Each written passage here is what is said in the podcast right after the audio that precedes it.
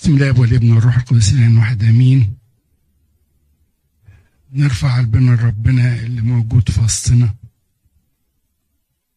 علشان يباركنا ويعلمنا ويرشدنا ويفتح أذهاننا وقلوبنا لرسالته اللي عايز يبلغها لينا النهارده. له المجد إلى الأبد آمين. كنا وصلنا بنعمة ربنا لحد أصحاح 28 والنهاردة هنبتدي بأصحاح 29 في أصحاح 29 ربنا بيكلم موسى وبينبه على ثلاث أعياد يحتفلوا بيهم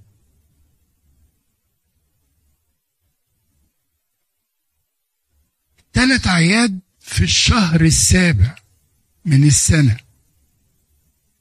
يعني في النص الثاني من السنة. وهنشوف ليه. في الشهر الأولاني في الاحتفال اللي هو من الشهر الأولاني من السنة في الاحتفال اللي بيتم يوم 14 اللي هو إيه؟ الفسح بالظبط. في الشهر السابع ربنا مش عايز الناس اللي هيبتدوا يريحوا من الشهر السابع منتظرين لحد ميعاد الزراعة التاني لأن الحصاد بيكون خلص فيبقى قاعدين مرتاحين. مش عايزهم هم مرتاحين وقاعدين مريحين. الشيطان يلعب بيهم وينسوا ربنا وزي ما بيقولوا إن العقل الفاضي معمل للشيطان. فهي فترة بتبقى الناس فعلا عايزين يريحوا. لكن ربنا عايز الراحة دي يبقى فيها فرح. فقال لهم إيه بقى في أول الشهر في أول الشهر أول الشهر السابع.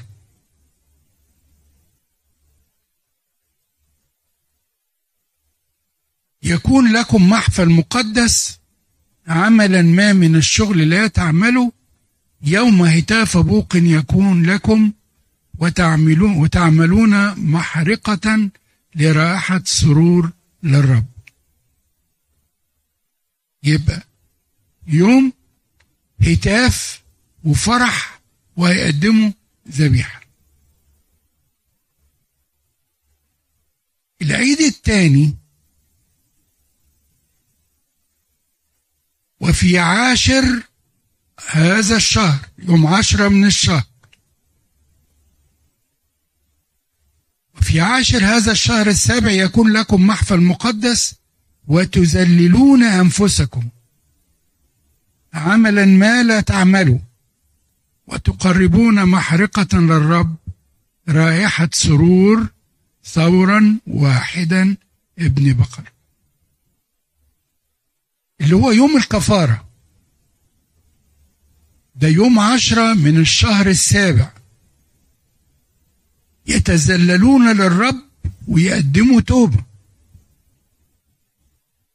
ويقدمون ذبيحة محرقة للرب رائحة سرور.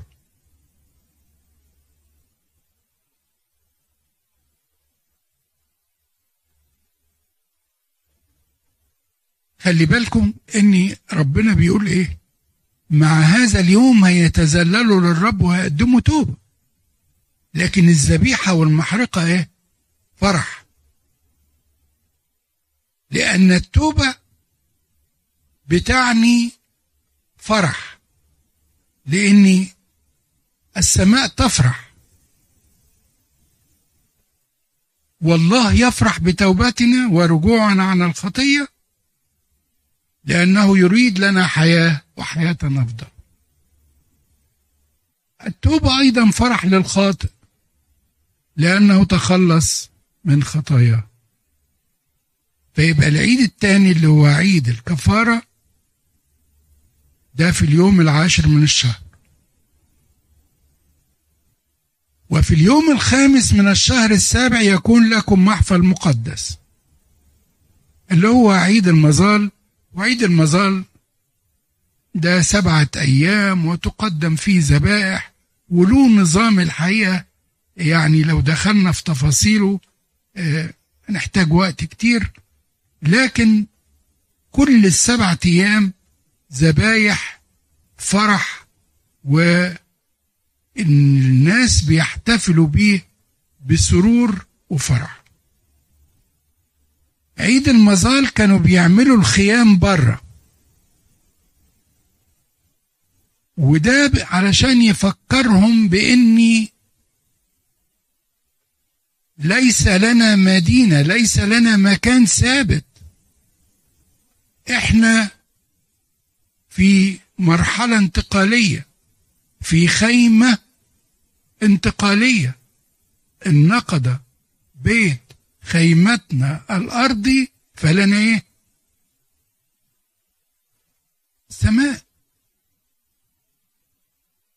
فكل ما يت... ما تم من هذه الأعياد هو الله يشير لنا إلى حياتنا الأبدية.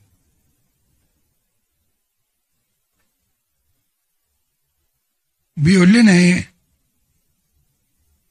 فكلم موسى بني إسرائيل.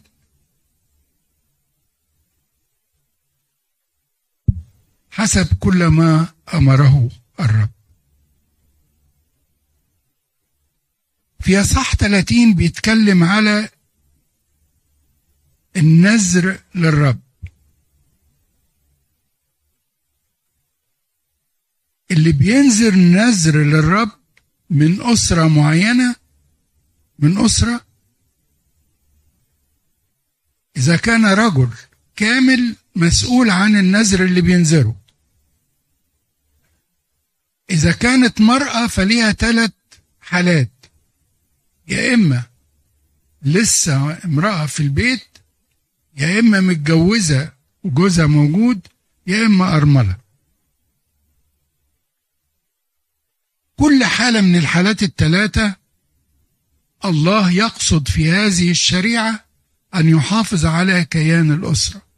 يعني البنت اللي بتنزل إذا نزرت وأبوها نهاها عن هذا النذر فالنذر بتاع البنت لا يجوز وفي الحالة دي ما تقدمش النذر. لكن لو أبوها سمع ووافق فهو ملزم أن يوفي بالنذر اللي هي قالته لأن إمكانياتها طبعا ما يمكن ما تتحملش. الزوجة إذا نذرت وزوجها ما وافقش على الندر بتاعها فعندها حل إنها ما توفيش بالنذر. ليه؟ الزوج هو المسؤول عن الأسرة وعن البيت وعن مصاريفه وعن إمكانياته المادية. فهي إذا نظرت أي حاجة يمكن تؤثر في إمكانيات البيت تعمل مشاكل الله لا يريد ذلك ابدا. فيجب أن يكون باتفاق ويكون بتراضي.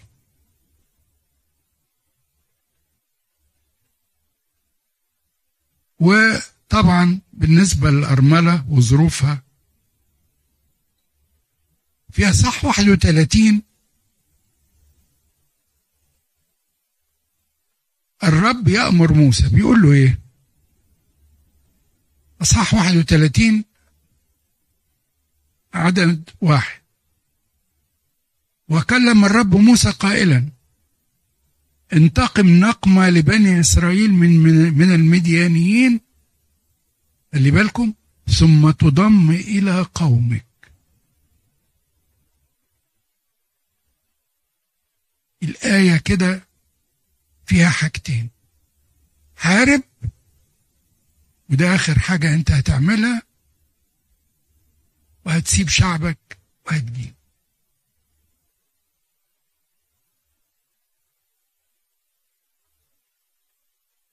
انتقم نقمة لبني إسرائيل من المديانين. ليه؟ فاكرين ليه؟ م. فاكرين ليه؟ طب ارجعوا ها أيوه يا عماد. بالظبط كده. تمام. تمام صح. لا معانا. لأن المديانيين وبنات المديانيين هم اللي نزلوا مع بنات مواب وبالظبط كده جذبوا أو خلى الشعب يخطئ إلى الله وفي اليوم ده مات 24 ألف واحد من شعب إسرائيل.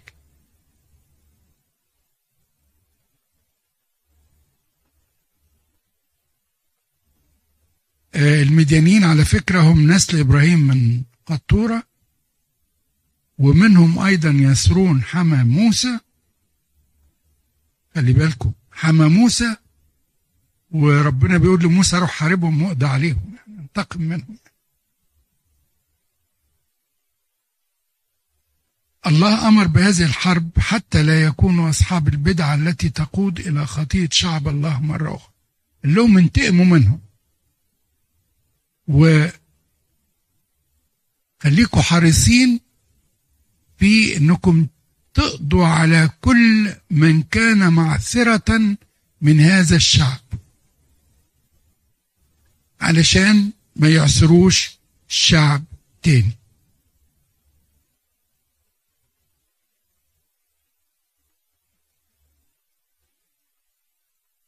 في عدد 15 لو قرينا كده.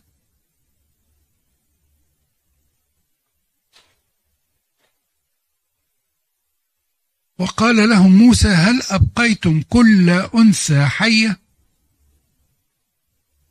إن هؤلاء كنا لبني إسرائيل.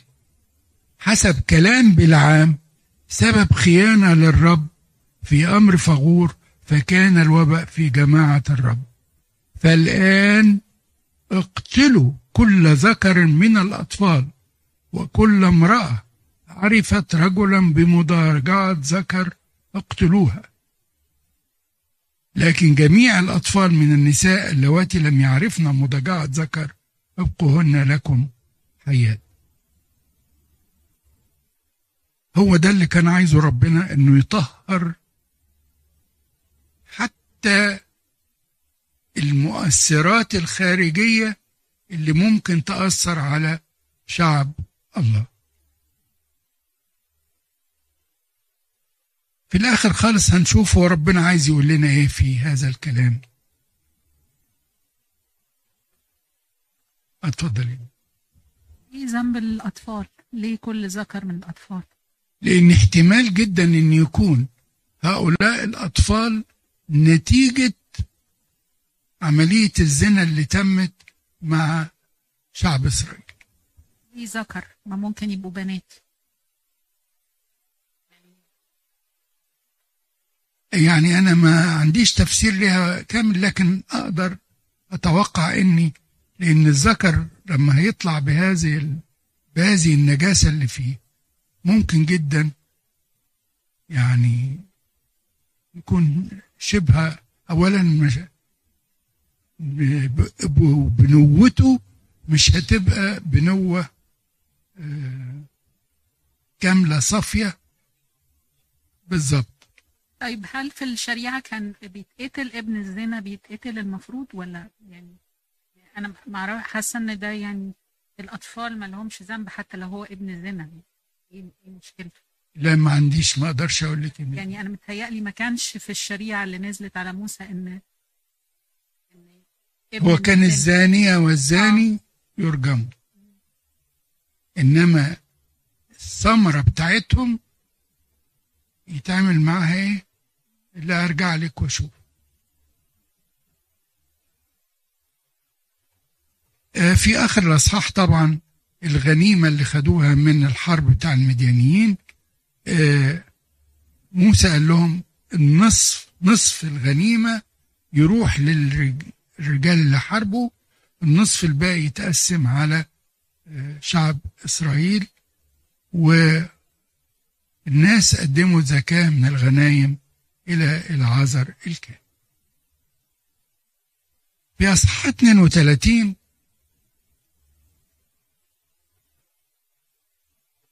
ابتدوا بقى خلاص يريحوا ابتدوا داخلين على تقسيم الأرض سبط جاد وسبط راوبين راحوا لموسى بيطلبوا منه انهم ياخدوا منطقة شرق الأردن. ومش عايزين يعدوا لغرب الأردن اللي هي الأرض أرض كنعان اللي ربنا عطالهم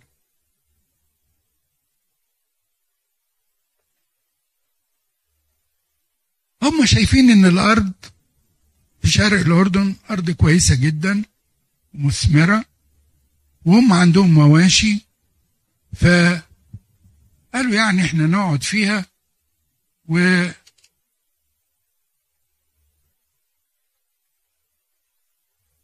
خلاص يعني ده يعتبر نصيبنا ومش هناخد من الأرض اللي في الغرب اللي هي أرض كنعان. الحقيقة أنا جاني تأمل ويمكن اللي مشاركين مع أسرة تامافيريني شافوا هذا التأمل. تأمل جميل أوي بعتها تصوني إيفون. بتقول إيه؟ كلام جميل أوي. بتقول نلاحظ أن شهوة العيون وتعظم المعيشة أفقدت السبطين تطلعهما إلى أرض الموعد. الأرض التي تفيض لبنا وعسلا كما إنهم بهذا الطلب ينالان أرض بلا حدود طبيعية. تعرضهما لهجمات الأعداء بجانب بعد الأرض عن باقي الأسباط. خلي بال حضراتكم إن الأرض اللي هي في شرق الأردن ملهاش حدود طبيعية. الأرض اللي ربنا حددها إنهم هياخدوها شعب إسرائيل ويقسموها ليها حدود طبيعية متحددة ومحمية بجبال محمية ببحار ففي حدود طبيعية لحمايتها. تسوني يفون بتقول إذ يتطلع الإنسان بمنظار بشري ضعيف وقصير المدى فيشتهي لنفسه أمورا قد تضره وتحرمه من بركات روحية وزمنية في نفس الوقت.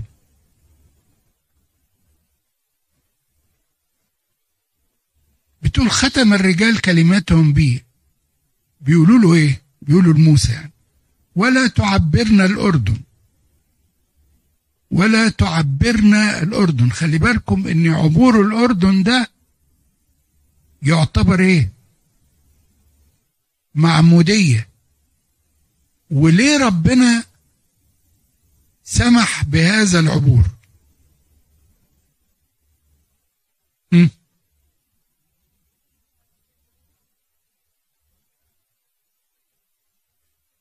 طب واللي اتعمدوا في البحر الأحمر؟ ده كلهم ماتوا. كلهم ماتوا. خلي بالكم الحتة دي لأن دي هتدينا ملخص وحاجة مهمة جدا عن السفر كله.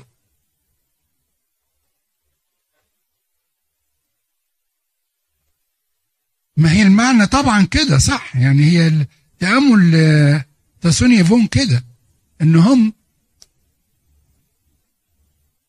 هم مش عايزين يعدوا الأردن. يعني مش هيتعمدوا. واللي مش هيتعمد مش هيدخل. اللي مش هيعبر الأردن مش هيدخل. عشان كده موسى أجبرهم بعد كده إنهم إيه؟ لازم يحاربوا مع إخواتهم ويعدوا معاهم الأردن. يعني موسى قال لهم إيه؟ فقال موسى عدد ستة فقال موسى لبني جاد وبني راوبين هل ينطلق إخوتكم إلى الحرب وأنتم تقعدون ها هنا؟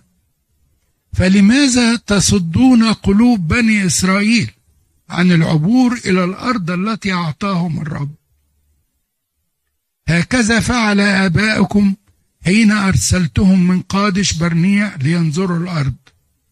صعدوا إلى وادي أشكول ونظروا الأرض وصدوا قلوب بني إسرائيل عن دخول الأرض التي أعطاهم الرب.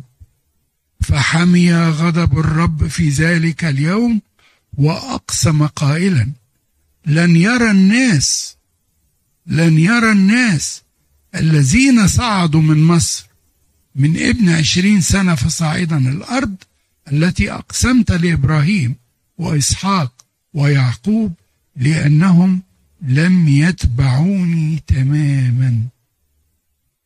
ما عدا كالب بن يفنى ويشوع لأنهما اتبع الرب تماما. وطبعا كمالة الحوار حضراتكم قرأتوه وشفتوه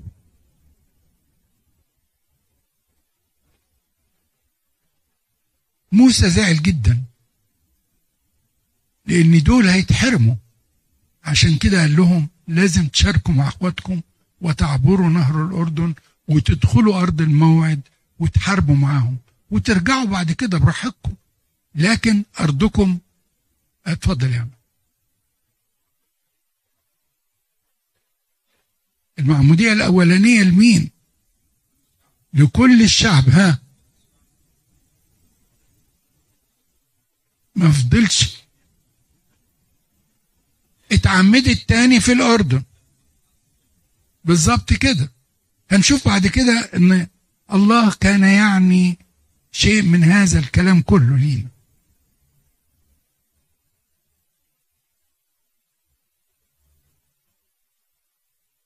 في إصحاح 33 بيكلمنا الكتاب المقدس عن الرحلة كلها من أول ما طلعوا من مصر لحد ما وصلوا إلى الأردن وجايب أسماء كل المواقع اللي مشيوا وعدوا فيها والأحداث اللي فيها طبعا. ومثلا في ألوش ريفيديم موسى ضرب الصخرة وفي قبروت هتهوى اللي هي المكان اللي الشعب اتمنى إنه ياكل فيها لحمة وربنا عطاهم السلوى ماتوا هناك. وهكذا بيقودنا إلى نهاية الرحلة بتاعتهم اللي هي وصلوا إلى عربات مواب على الأردن أريحة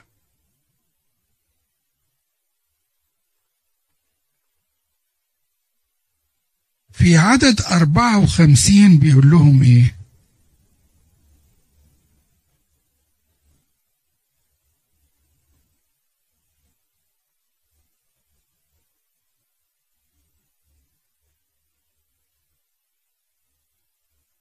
تقسموا الأرض وبيقول لهم إيه؟ وتقتسمون الأرض بالقرى حسب عشائركم.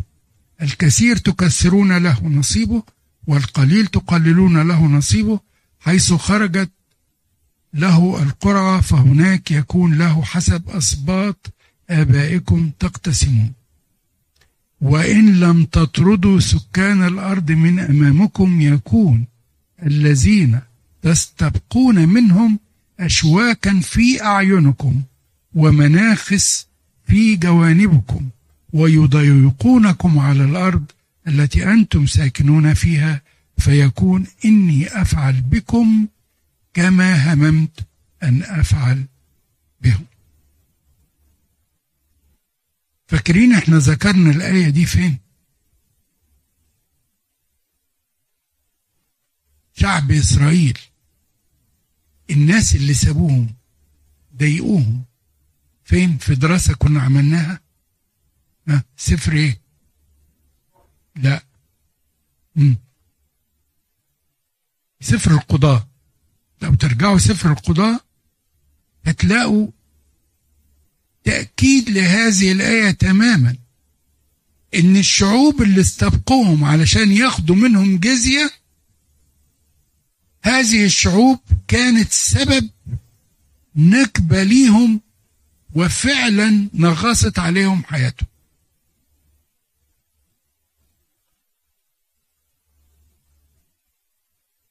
وده بيدينا تنبيه. أيوه يا عماد اتفضل.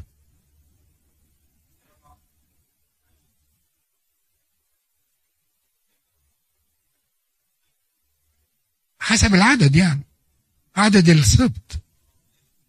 آه العدد الكبير ياخد آه آه تساوي. يعني يعني التساوي بالنسبة لوحدة الفرد نصيبه الكل واحد.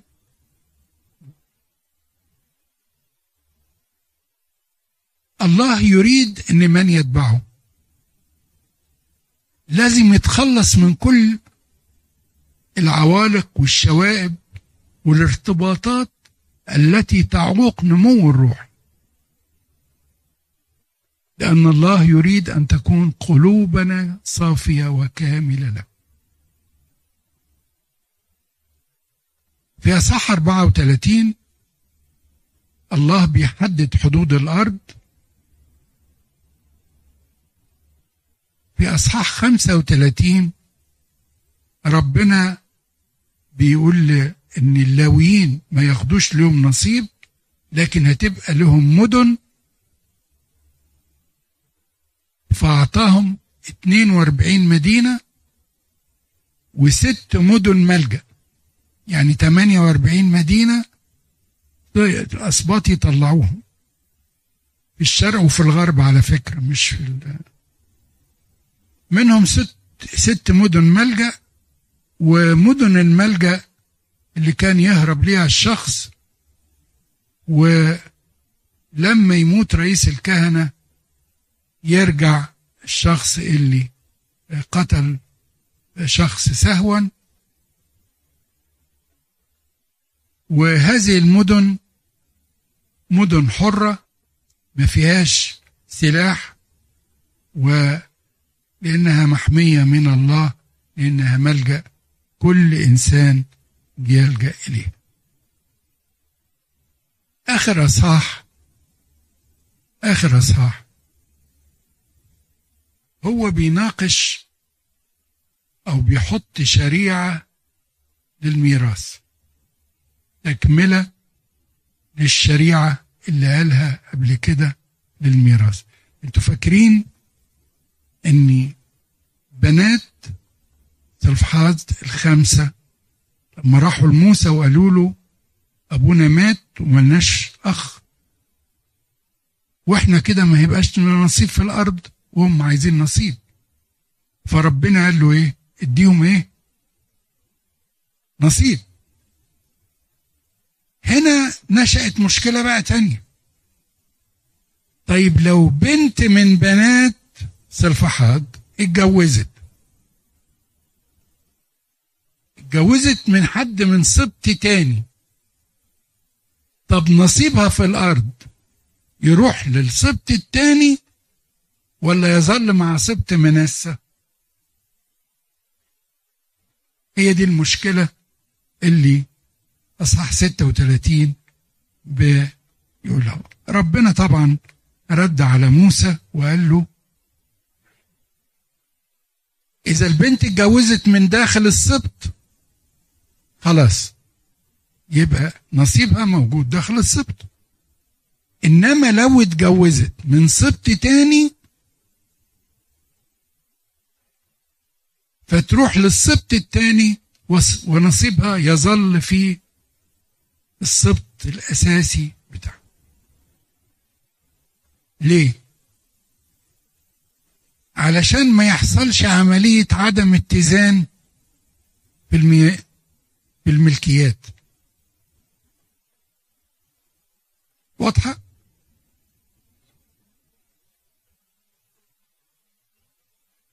ضمن السبط برضو العيلة وال آه, آه. إنما هي راحت خلاص.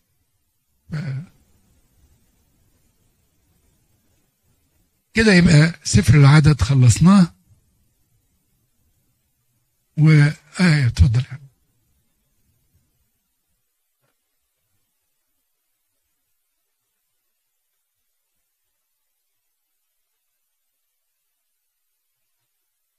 أيوه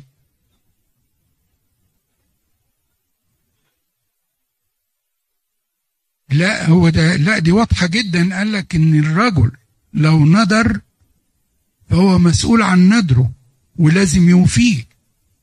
لا ده ده هو صاحب ال- القرار المادي. آه لا. ده هو هو بيراعي المرأة في مشاعرها لأنها كانت في الوقت ده ملهاش دخل. أو ما بتشتغلش. فاللي بتنظر بيه وحتى المفروض يعني إن كيان الأسرة لا ينفصل. الماديات لأن الاتنين صاروا واحد. لم يعد اثنين بعد بل واحد. لأن ما جمعه الله لا يفرقه إنسان. في إنجيل مرقس. معنى كده إني الذمة المالية للاتنين واحدة. ما تفرقش. مش دي فلوسي ودي فلوسي لا. الاتنين بيكملوا بعض وتكملة تكملة يعني تكامل أساسي لأنهم واحد. فالماديات لا تفرق. عشان كده لو هي ندرت هتأثر على إمكانيات البيت. وأعتقد برضو الراجل لازم يراعي برضو مشاعر الست في الماديات ويعني ما يج... ما يتصرفش تصرفات مادية قد لا تكون مريحة للبيت كله وللأسرة. لكن طبعا بيبقى فيه إرشاد روحي وفي الإرادة السليمة الصح. لأني ينبغي أن يطاع الله أكثر من الناس. يعني لو الراجل مثلا لو الراجل عايز يطلع العشور ويوديها الكنيسة وتيجي الست تقول له إحنا الماديات الإمكانيات بتاعت البيت محتاجة وي مفيش داعي نودي العشور. هل يسمع للست؟ ينبغي أن يطاع الله أكثر من الناس. لأن ده فكر ناقص. فكر لا يراعي أو ما عندوش الإيمان أن الله يفي باحتياجاتنا قبل أن نسأله. والله قادر أن يعوض. ده بيقول أعطوني العشور وجربوني. دي الحاجة الوحيدة اللي قال جربوني فيها. وجربوني. فإني أفتح قوى السماء لتمطر عليكم. واللي جربوا صدقوني. خدوا مكاسب لا تعد ولا تحصى. بالظبط كده. بالظبط كده.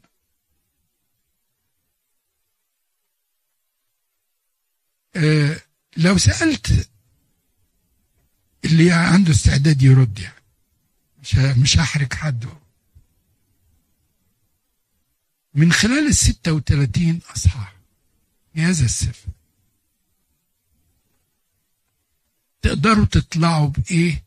لحياتكم في هذا السفر إيه الرسالة اللي نقدر نطلع بيها لحياتنا من هذا السفر حد يتطوع ويقول أنا مش عايز أقول أنت وفلان.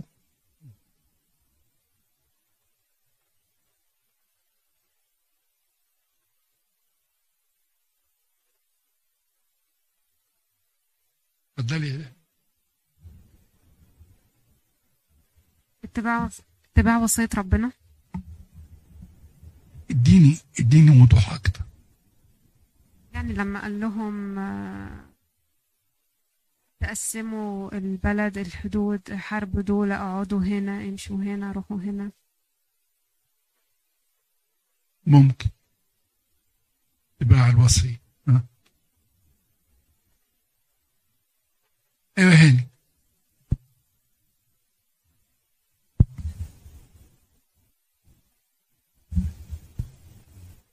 آه، كل حاجة معمولة بلياقة وحسب ترتيب.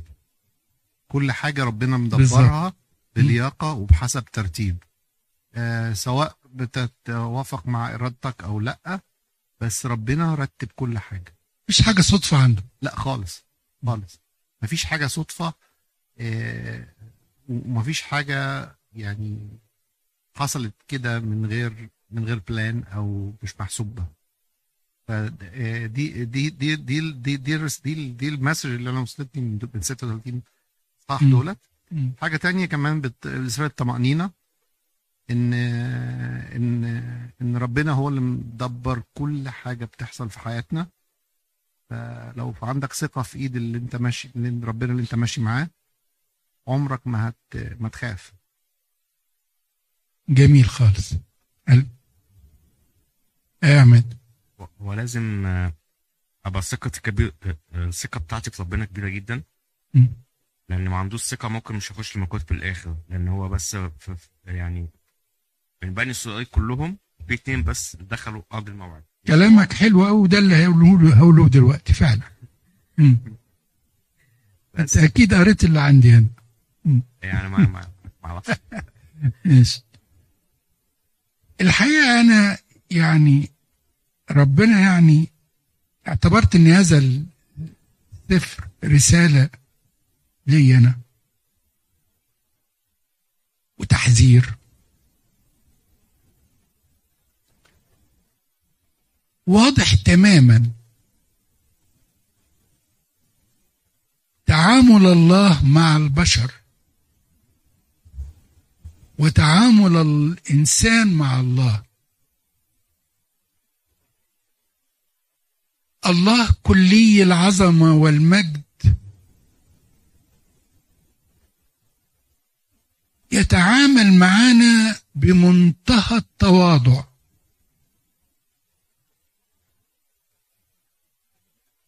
المحبة الاهتمام بكل صغيرة وكبيرة. في المقابل أنا بتعامل معاه إزاي؟ في أصحاح 14 أنا في تصوري هي دي الرسالة اللي جاتني. ملخصها إن الذين تعاملوا مع الله بازدراء وبإهانة لن ولم يدخل لم ولن يدخلوا أرض الموعد. بالرغم من أنهم اتعمدوا في البحر الأحمر. بالظبط كده. مش معنى كل مسيحي اتعمد إنه هيدخل السماء. إنما هو إزاي بيتعامل مع ربنا. تعالوا نشوف ال- الرسالة اللي ربنا قالها لشعب إسرائيل وترجم لينا إيه إحنا. في أصحاح 14 عدد 22 و 23 بيقول إيه؟ إن جميع الرجال الذين رأوا مجدي ده ربنا اللي بيقول. ربنا اللي بيقول. إن جميع الرجال الذين رأوا مجدي وآياتي التي عملتها في مصر وفي البرية وجربوني الآن عشر مرات ولم يسمعوا لقولي. لن يرى الأرض التي حلفت لآبائهم وجميع الذين أهانوني. لا يرون.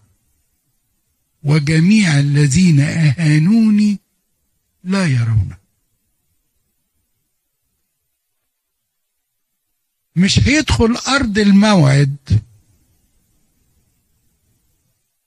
إلا من يحترم الله.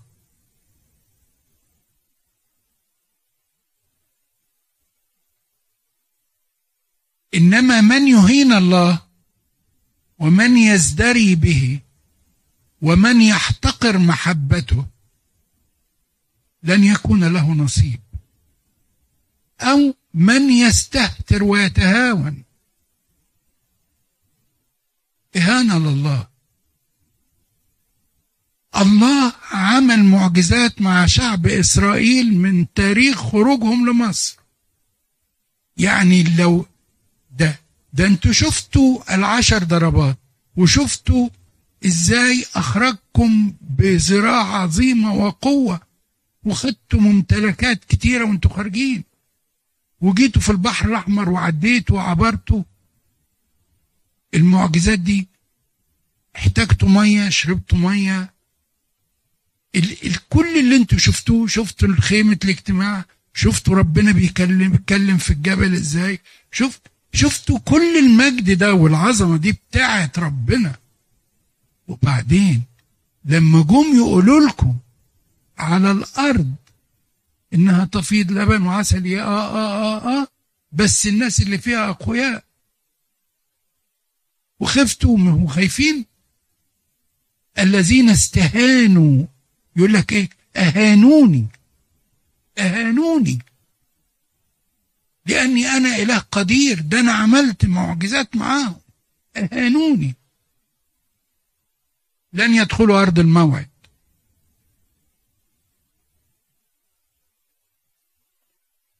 كتير جدا نخطئ إلى الله لأننا نتعامل معه نتعامل معه بايه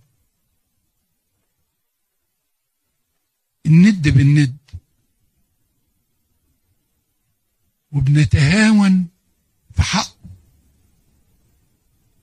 ونستهين بعظمته ومحبته وأعماله اللي بيعملها معانا كل يوم. كم من معجزات بيعملها الله معنا كل يوم. عشان كده أنا بعتبر إن الرسالة لينا أن نكون حذرين ونذكر كم صنع الله بنا. كل يوم كم صنع الله بنا. ونشكره ونمجده ونإيه ونحيا له. الجزء الثاني إني لن يدخل أرض الموعد إلا من آمن. آمن بمواعيد الله وحفظ وصايا الله وعمل بها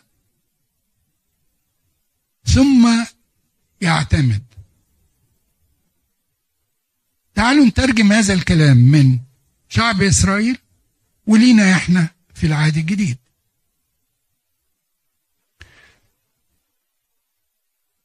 ربنا في سفر العدد عطاهم شرايع ووصايا وتقديمات ويقدموا ذبايح واللي بيغلط يقدمه عشان يصحح المسار عشان يتبعوا وصاياه ويكونون له. اللي امنوا بمواعيده هيدخلوا أرض الموعد. يشوع بن نون وكالب. لأنهم آمنوا في كلام الله. اللي عطوا مجد لربنا ربنا عطاهم مجد. اللي أخطأوا في حق ربنا ربنا قال له بس مش هتدخل لكن دخلوا بعد كده بطريقة تانية. زي مين؟ ها؟ شخصيتين ها؟ موسى وهارون. يقول لهم لأنكم لم تقدساني أمام الشعب. أنا قلت لكم كلموا الصخرة. أنتوا رحتوا ضربتوا الصخرة. بتمجدوا نفسكم مش أنا. فلم تعطوا الكرامة ليا والمجد ليا الله يغير علينا. هو بيدينا المجد والكرامة في وسط الناس لكن يجب إن إحنا تاني إحنا كمان نعطي إيه؟ مجد كرامة لله أمام الناس. عن إيمان وعن ثقة. خلاص؟ كل اللي هم دول هيدخلوا أرض الموعد. قبل ما يدخلوا أرض الموعد. عدوا منين؟ ها؟ نهر الأردن. اعتمدوا. يبقى آمن اللي آمنوا واعتمدوا. عشان كده في مرقس 16 16 بيقول إيه؟ من آمن واعتمد خلص. دخل أرض الموعد. آمن. دخل أرض الموعد. دي أعتقد أهم رسالتين أنا يعني بعتبرهم مهمين لينا أن نتعامل مع الله له كلي المجد والعظمة والكرامة. إله عظيم. قدوس. محب. تواضع من أجلي وصار بشرا مثلي ليس معنى ذلك إني أستهين بمحبته ولطفه وأسلك بعيد عن وصاياه. ولكن ده أنا أقول له شكرا ليك بكل الحب وأقدم له كل ذاتي علشان أنال فعلا الملكوت والمجد معه. تعالوا نمشي ناخد نظرة عامة كده على السفر ونلخصه. الفترة الزمنية اللي بتاعت السفر اللي بيغطيها 39 سنة تقريبا كل أحداث هذا السفر في شبه جزيرة سينا والبرية اللي هي عند نهر الأردن.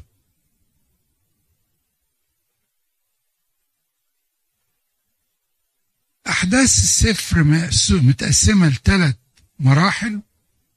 من واحد لحد أصحاح عشرة ودي مدتها 11 شهر ومن عشرة لحد واحد وعشرين دي فترة الانتقال والارتحال من مكان لمكان وبعدين آخر ثلاث أربع شهور اللي قضوها في برية مواب. ودي من أصحاح 22 لحد 36 أهم شخصيات في هذا السفر. طبعا أولهم مين؟ ها؟ بسرعة بقى كده عشان نخلص. ها؟ موسى. مين تاني؟ يا هارون ويشوع كالب طيب تعال طب هقول لكم حاجة. أنا أقسمهم كاتيجوريز معينة. شخصيات ذات إيمان قوي. مين؟ موسى يشوع وكالب. ها نقدر نضيف حد تاني؟ طيب خلي هارون شوية. ها ها مين تاني؟ في شخصيتين تاني إيه رايكم في فينحاس ابن العازة ده ما يتنسيش. ده ده غيور وربنا إيه؟ اتكلم عنه شخصيا. وكهنوته يدوم. مين تاني؟ دول بنات بقى. أكيد. بالظبط كده. بنات سلفعات دول عندهم إيمان عايزين مكان في أرض الموعد. عندهم إيمان. ما تشيلناش من الميراث. إحنا عايزين الايمان هذه شخصيات الإيمان القوي. موسى الحليم الامين الأمين الحازم يشوع الجريء التلميذ الأمين لموسى كالب رجل الإيمان القوي ذو القلب القوي اللي وقف واتكلم قدام كل الشعب.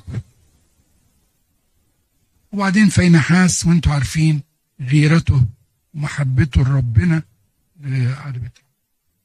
شخصيات الإيمان التابع يعني الإيمان اللي نص شوية كده يعني.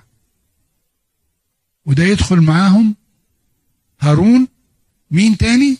شخصية تانية؟ ها؟ واحدة؟ امرأة؟ مريم؟ مريم أخت هارون. أخت أخت موسى وأخت هارون. هم مؤمنين. لكن لهم من الأخطاء اللي ربنا خدع عليهم وتأثر منهم.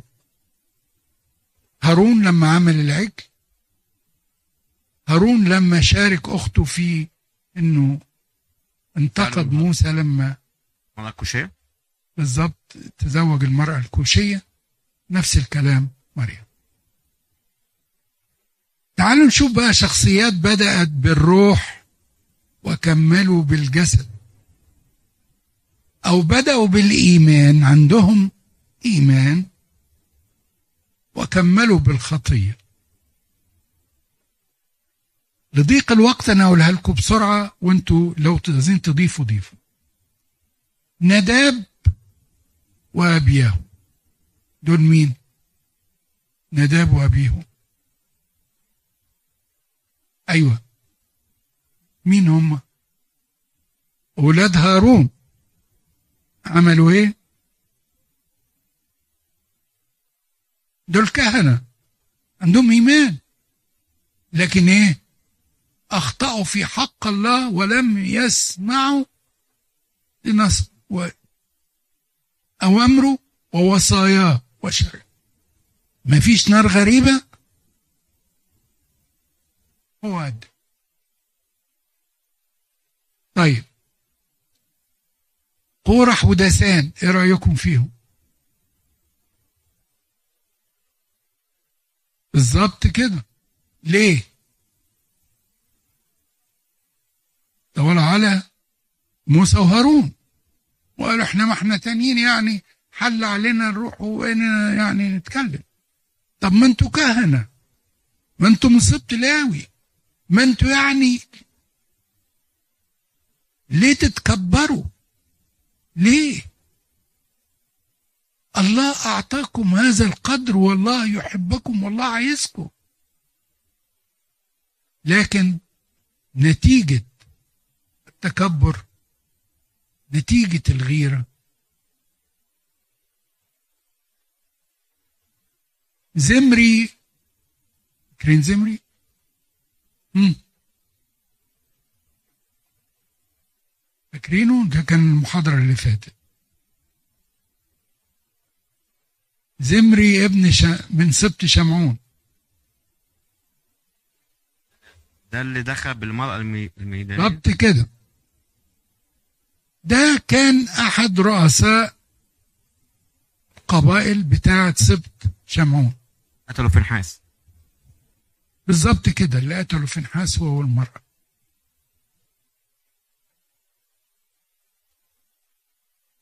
انت شخصية من الشخصيات الرئيسية الكبيرة. علشان على فكرة هو خد المرأة وداخل بيها علشان يظهر ان هو هو رئيس كبير يعني. يظهر يعني إن هو ما بيهموش وإني بيتحدى موسى وهارون والشعب ده وبيتحدى الله. وكانت نتيجة إيه؟ إنه قتل. آخر شخصية بالعام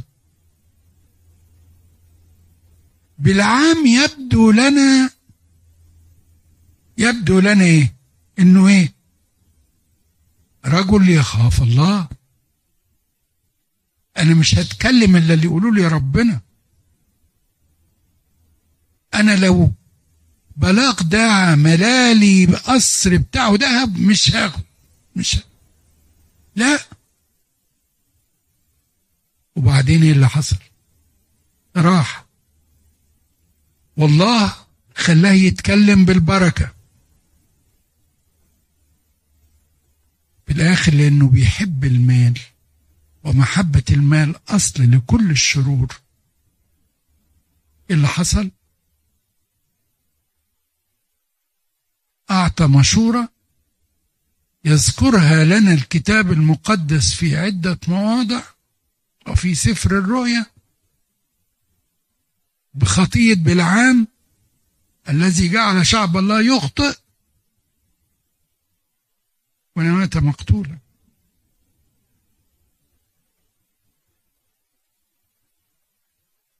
شخصيات عجيبة بدأت بالروح وبالإيمان وكملت بالجسد وبالخطية تعالوا نمشي نمشي كده في أحداث السفر. تعداد وده كان في أول السنة الثانية في أول الشهر الثاني وده في أصحاح واحد. والتعداد الثاني كان في سنة 40 من خروجهم من مصر وده في أصحاح 26 حدث تاني اللي هو إنه بعت جواسيس لأرض الموعد.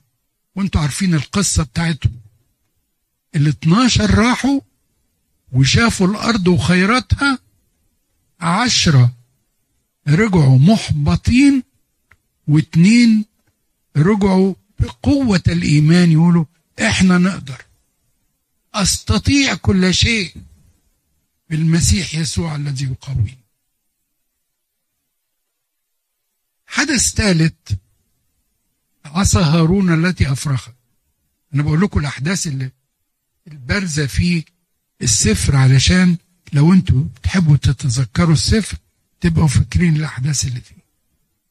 عصا هارون التي أفرخت وأنتوا عارفين القصة ان بعد قرح وداسان لما احتجوا على موسى وهارون إزاي أنتوا كهنة وإحنا ما إحنا كمان وإحنا نقدر وي وي. ربنا قال لهم لا الكهنوت مقدس ومن أختاره وأدعوه للكهنوت لا تعتدوا عليه. عشان أقول لكم هذا الكلام رسمي. تعالوا. هاتوا 12 عصاية. كل سبط يجيب العصاية بتاعته ويكتب اسم عليها ونحطها في قمة الاجتماع. والعصا بتاعته تزهر هو يبقى كهنوته مختار. وانتوا عارفين بيت القصة. الحدث الثالث الغريب. اللي هي خروج الماء من الصخرة وضرب موسى للصخرة ودي في أصحاح عشرين. بدل ما يكلموا الصخرة ربنا قال لهم كلموا الصخرة فراحوا ضربوا الصخرة.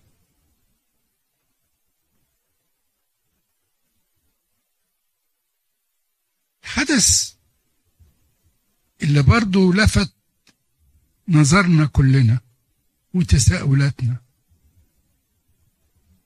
بالعام ونبواته. ودي اصحاح 22 و23 و24 وجزء من 25 ربنا كان ربنا بيكلمه. ومع ذلك فقد فقد ال... فقد بركة الإيمان وفقد أن يكون فعلا نبيا لله. آخر حدث اللي هو تقسيم الأرض في شرق وغرب الأردن وطبعا اتكلمنا عليهم النهارده. السفر مليان بشرائع بعض منها اتكرر موجود هنا وموجود في سفر اللاويين قبل كده. وبعضها كان مذكور في سفر العدد بس. أنا مش عايز أدخل في التفاصيل زي شريعة النجاسة نتيجة اللي هي نتيجة البورس ونتيجة خيانة الأمانة والخيانة الأسرية وشريعة النذير والناذر. النذير اللي هو اللي نفسه لربنا أو نذر حاجة بذاته يعمل إيه ويقدم إيه لما يخلص النذر بتاعه. والنذر اللي لو ندر حاجة وكان وكيل عنها زي اللي قلناها النهارده دي. دي في أصحاح ستة وأصحاح 30 وبعدين تقديس ماء النجاسة شريعة الميراث والأعياد. بعدين التقديمات اللي ذكرها ربنا لشعب إسرائيل إنهم يقدموها منها ذبيحة الخطية. ودي برضو مذكورة في سفر اللاويين وتقدمة السرور. والتقدمة اليومية. وتقدمة أول كل شهر. وتقدمة الأعياد. لإلهنا كل مجد للأبد. آمين.